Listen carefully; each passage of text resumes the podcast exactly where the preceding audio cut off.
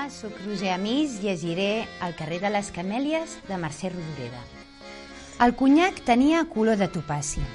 La Ladi me'n feia veure unes... Así empieza un vídeo catalán que promueve la lectura. Ha alcanzado las 90.000 visitas en pocas semanas. No hemos dicho que promueve la lectura de un modo diferente al habitual, mediante orgasmos. Intrigante, fascinante, sexy o una provocación cultural para animar la campaña de San Jordi. Una catalana de 38 años, Rusea Mills, inspirada en los vídeos realizados por el artista de Nueva York, Clayton Cubitt, eh, serie que, por cierto, el neoyorquino denominó literatura histérica, protagoniza un altruista vídeo de promoción de la lectura que está causando furor en las redes sociales. Y hemos dicho, pues vamos a hablar con Rusé, porque creo que nos tiene que contar eh, muchas cosas en estos días, además, en los que se intenta, y más que nunca, promocionar la lectura. Rusé Mills, Bonanit, bienvenida. Hola, muy buenas noches y estoy muy contenta de que se haya interesado este proyecto. Bueno, nos ha llamado la atención, nos has dejado boquiabiertos. ¿Verdad? A todos, ¿eh? era un poquito la idea de, de, cuando me lo propusieron los que han grabado el vídeo, que es Pickwick Films, pues me dijeron, Ruse, queremos hacer un vídeo que, que va a ser la bomba porque queremos promocionar la lectura, como tú muy bien has explicado, mediante orgasmos. Y claro, yo, bueno, contadme un poquito más esto, en qué consiste. ¿A ti cuando te dicen eso, Rusé, qué dices? Bueno, esto es Bueno, una locura. Eh, me pareció muy loco, pero como ellos me conocen, a mí todo esto de, de hacer cosas que se salen de lo normal ya me gusta. y sobre todo tenía absoluta confianza de que esta productora han hecho un programa de, de filosofía recientemente en un canal catalán, Canal 33, precioso, y antes habían estado haciendo un programa de, de literatura, de libros. Entonces, sabía que malo no podía ser, que, que tenía que ser algo interesante. Pero sí reconozco que dije que sí, muy a la ligera, y cuando fui profundizando en qué consistía exactamente lo que tenía que hacer yo, me encontré que tenía un compromiso enorme ahí.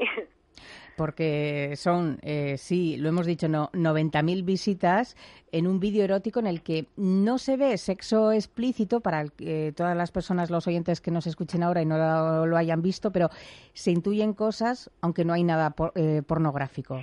Claro, estás no, leyendo. no se ve no se ve nada, pero tiene muchísimo morbo precisamente por lo que no se ve.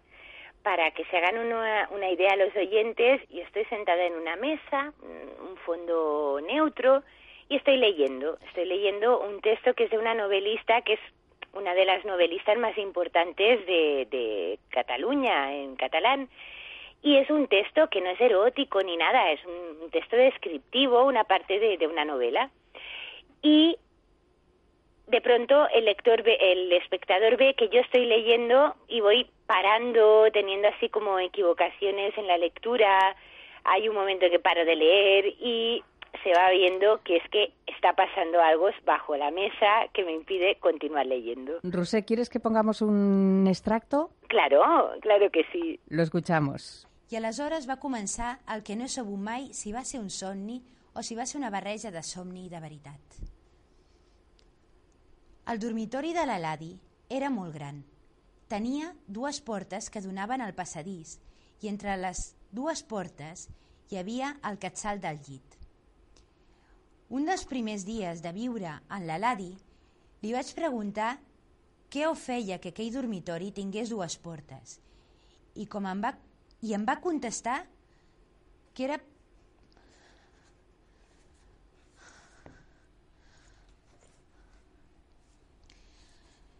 i em va contestar que era perquè de dues habitacions n'havia fet una.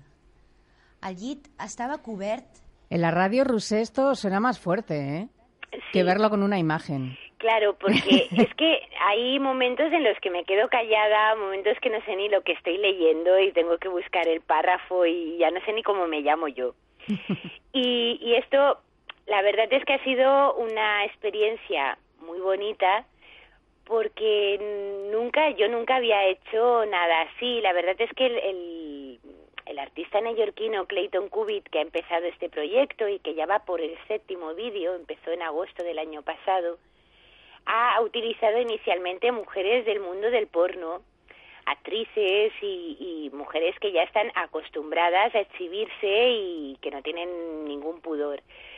La, eh, hacerlo sin, sin haber nunca protagonizado una, una escena así, pues es como de decir, bueno, ¿qué, ¿qué, estoy haciendo? Pero al mismo tiempo, cuando he reflexionado un poco más y sobre todo viendo las reacciones de muchísimas mujeres y parejas que, que me han estado escribiendo y me han contado lo que les ha parecido, me he dado cuenta que es bonito reivindicar pues que el orgasmo ah, masculino estamos acostumbradísimos a verlo en, en películas porno, incluso películas convencionales, y en cambio el femenino es como un gran desconocido porque o es fingido en, la gran pantalla o, no, no se le da ninguna importancia. Y claro, un vídeo dedicado todo el vídeo a esto, pues es, es, la verdad es que es precioso. La pregunta que te habrán hecho en muchas ocasiones, ¿es fingido el orgasmo? Claro, esto es lo primero que me preguntaron, me lo preguntaron hombres y mujeres y a mí me hizo pensar, porque claro, piensan que no puede ser de verdad. No, es como que las mujeres ya tenemos el San Benito de que me, mm, fingimos y, siempre y entonces esto no puede ser verdad. La verdad es que hay un precedente muy importante que es la película de Gwyneth Paltrow este que, que está en un restaurante y le demuestra a su acompañante que una mujer puede fingir un orgasmo fácilmente y se lo hace ahí en vivo e indirecto para escándalo de todos los comensales. Bueno, pues ahora Ah, ya sabemos, yo al menos lo sé y espero que, el resto de la gente se lo crea, que es verdad, porque yo no soy tan buena actriz. Esto es el, la clave para, para que nadie dude, porque es un orgasmo en toda regla y yo no estaba fingiendo, no estaba en ningún momento, incluso yo pensaba inicialmente que no iba a suceder, que iba que no iba a ser posible porque hay una cámara ahí delante, porque había una serie de factores que podían entorpecerlo y que va. Resulta que he descubierto que para que una mujer tenga un orgasmo fácilmente lo que tiene que hacer es pensar en otra cosa. Es todo lo contrario de lo que nos habían enseñado. Bueno, leer estimula todos los sentidos y lógicamente crea una atmósfera extraordinaria en la parte sexual del cerebro también.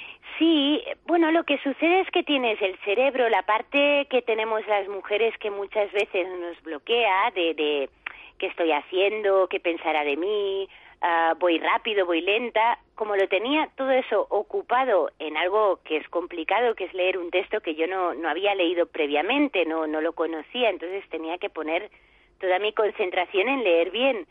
Y como tenía esa parte ah, cerebral ocupada, la parte física, que era lo que estaba pasando debajo de la mesa, se impuso con toda facilidad. Yo no era dueña de mí misma y ahí iban pasando cosas y, hasta el desenlace que, se ve en el vídeo. Rosé, eh, no sé hasta qué punto, eh, ahora que lo dices, compaginar lectura y sexo simultáneo permite asimilar lo que se está leyendo. Yo no sabía ni lo que había leído, ni por qué párrafo iba, ni nada. De hecho, luego me lo he leído con sumo interés para saber qué era lo que estaba leyendo, pero sí me di cuenta de algo muy bonito, que es que mientras estaba leyendo había palabras que fonéticamente podían tener remitir a otras palabras y una es ampolla, que en catalán es botella, pero que tiene la palabra polla y entonces yo sí que reconozco que mientras estaba leyendo le estaba encontrando dobles sentidos a todo y eso es fruto de la excitación que estaba sintiendo mi cuerpo y entonces estaba leyendo pues con, con una mente totalmente pecaminosa y, y, es muy divertido. Es muy divertido cuando, cuando ya pasó, porque esto duró siete minutos escasos. Y, y cuando lo volví a ver me di cuenta de muchos elementos, es decir, ah, vale, pues entonces eh, mi cerebro funciona así, va haciendo, buscando dobles sentidos y es muy divertido. Grabaste el 27 de febrero de, este año. Sí, hace nada y, el mismo día que lo grabamos lo colgaron en Internet y en, YouTube y bueno, pensábamos que, que, lo vería gente, pero bueno, un vídeo que tenga mil visitas ya parece muchísimo y que va, ha sido una, bueno, una, un crecimiento espectacular En estos momentos, como has dicho tú antes, tiene unas 90.000 visitas y sigue aumentando, unas 2.000 visitas al día. Casi nada. Sí, bueno, eh, no hubiese sido posible sin, sin Internet todo esto, el boca a boca, ¿no? La multiplicación de, de, todos los impactos vía Internet. Y es, es que es muy bonito porque ha ido a parar a foros de sexología. Y sexólogos que lo están utilizando para explicar a mujeres lo que es un orgasmo femenino y, y cositas así de relájate y disfruta, pues con este vídeo por lo visto consiguen explicarlo mejor y me han llegado mensajes maravillosos, si me permites te leo uno, sí. porque es muy bonito. Es una, un hombre que me escribe y, bueno, está en catalán, lo voy traduciendo. Dice, buenas noches, Roger. Hice, uh, bueno, uh, le pedí a mi mujer de ver el vídeo en la cama, entre las sábanas, en pleno silencio. Diría que ha sido la primera vez que ella se ha, eh, se ha excitado tanto viendo un vídeo conmigo. Su sexo estaba mojadísimo, follamos muchísimo gracias a ti. Entonces, claro, yo recibo este mensaje y digo, bueno, estoy dando alegría al mundo, porque si una pareja consigue tener esa intimidad de ver un vídeo juntos, que no es nada agresivo, no es porno, no no, no molesta a, a una persona que no está acostumbrada a ver porno, que esto es lo que sucede a veces, que que el marido le dice a la mujer, vamos a ver una película juntos y ella se incomoda porque ve esas mujeres con el pecho operado y las uñas esas largas tan raras que llevan y a ella no le pone nada. Pero en cambio, este vídeo como es tan introspectivo, en realidad tan tan sutil, por lo visto está gustando pues para verlo parejas juntos. Eso a mí me, me hace mucha ilusión hombres y pornografía, eh, parece un binomio natural, lo decías tú ahora. Sí. Las mujeres son más partidarias de igual la literatura erótica que tan de moda está y de la imaginación, ¿no? Para estimularse. Las mujeres nos gusta que haya un poquito más de narración. tampoco hay que ir al tópico de que a las mujeres no nos gusta el porno. Hay películas que sí, hay escenas que sí, pero a veces también hay escenas que a nosotras no nos aportan nada y son un aburrimiento. Y entonces ahí es donde creo que se puede llegar a una a, captar cuál es la sensibilidad femenina. Pues para una mujer quizás es más eh, sutil lo que nos excita. Nos puede citar una mirada, nos puede citar una palabra, y en cambio para un hombre pues directamente ver un coito ahí en primer plano es lo más excitante del mundo.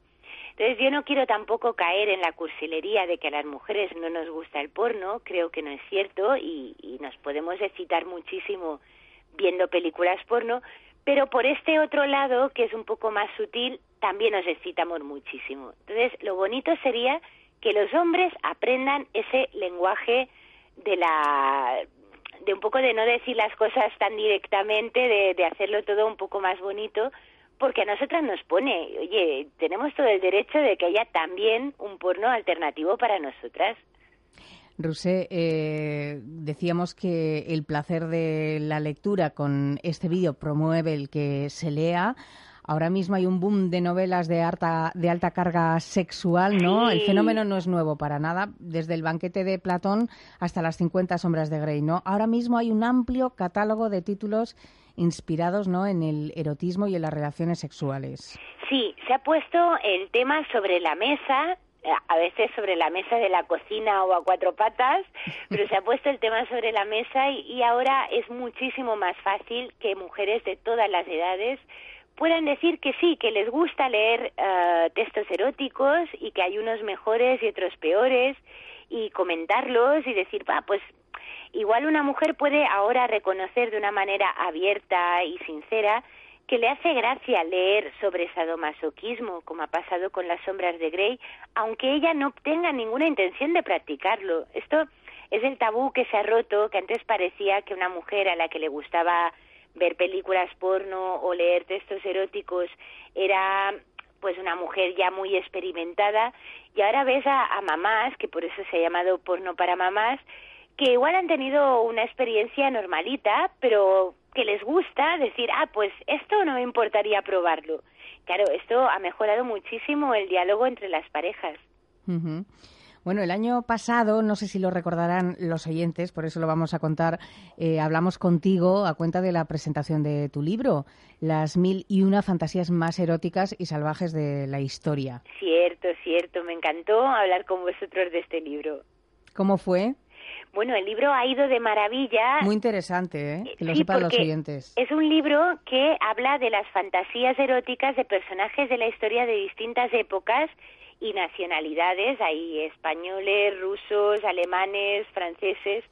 Y lo bonito de este libro, lo que a mí me motivó más a escribirlo, es que es un catálogo de fantasías eróticas sin juzgar, sin catalogarlas médicamente, decir esto es normal, esto es eh, anormal o pervertido, sino simplemente contando lo que hay. Y claro, ese crisol que ofrece este libro, aparte de despertar la imaginación a solas o acompañado, también permite ver que lo que para nosotros es eh, normal, para otro puede ser totalmente desconocido y viceversa. Entonces yo creo que aumenta la tolerancia respecto al sexo y que nos ayuda a ver que, que todos tenemos muchas ideas y muchas muchas ensoñaciones eh, sexualmente y eróticamente y que todo está bien mientras haya consentimiento y una actitud empática con, con, la, con la otra persona o los demás participantes, porque ahí cabe todo, y, y fue un detonante de, de lo que luego he ido haciendo.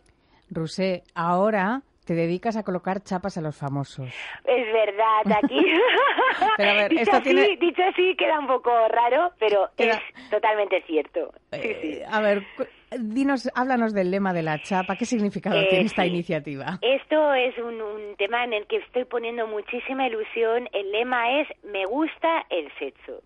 Y este, esta frase que puede parecer a veces pues como decir, bueno, esta chica va de sexy, de, de de poner caliente al personal, tiene una profundidad que, que la estoy comprobando ah, a medida que voy avanzando en este proyecto, que es, oye, si nos gusta el sexo, pues vamos a pasárnoslo bien. Que te guste el sexo significa que te respetas a ti mismo como, como ser sexual y respetas a los demás. Entonces, eso de me gusta el sexo hace que comentarios como, por ejemplo, es que mi marido no me hace esto, no me hace lo otro, pues puedas decir, oye, si te gusta el sexo, por la cuenta que te trae, habla con tu pareja, entérate de qué es lo que está pasando, motívale, no esperes solo que lo haga todo el otro, diviértete, que son cuatro días, que también es cierto. Yo como tengo 38 años ya me he dado cuenta, y creo que mucha gente compartirá esta idea, de que cada año es eh, eh, el último año que vas a ser tan joven y vas a tener tanta energía. Entonces es mejor vivirlo todo plenamente y dejarse de complejos, de vergüenzas.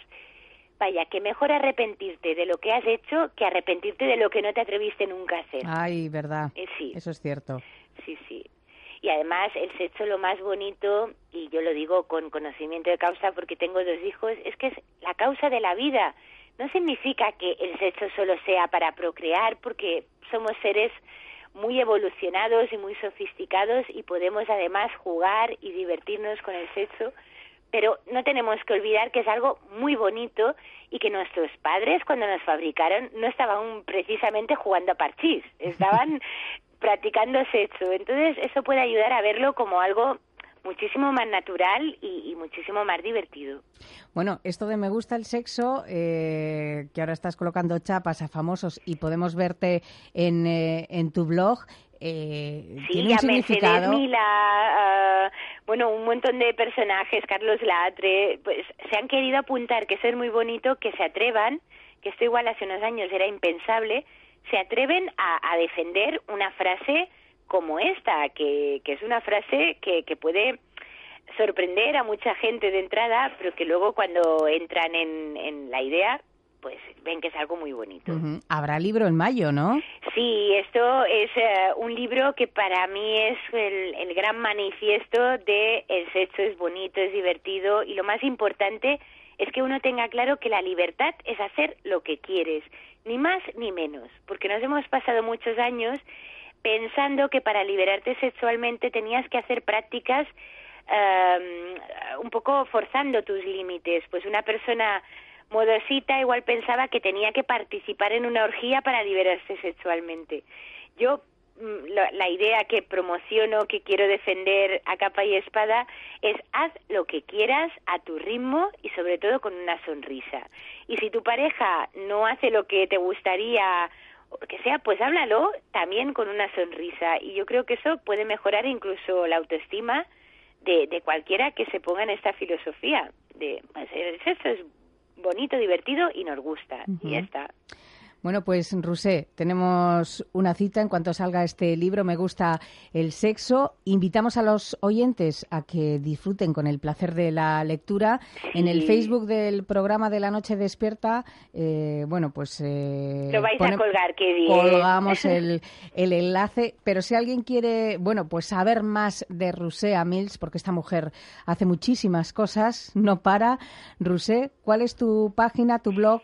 Pues muy fácil, es roseramis.com, R-O-S-E-R, es mi nombre catalán, pero bueno, me encontrarán enseguida porque hay muchas visitas precisamente a raíz de este vídeo y me encantará que comenten y, y todos los puntos de vista son bienvenidos. Bueno, pues estaremos en contacto, Rusé, como siempre, ha sido un placer. Lo mismo digo y nada, que tengáis felices orgasmos. Es un, el mejor deseo para esta noche. Agur, feliz noche. Chao.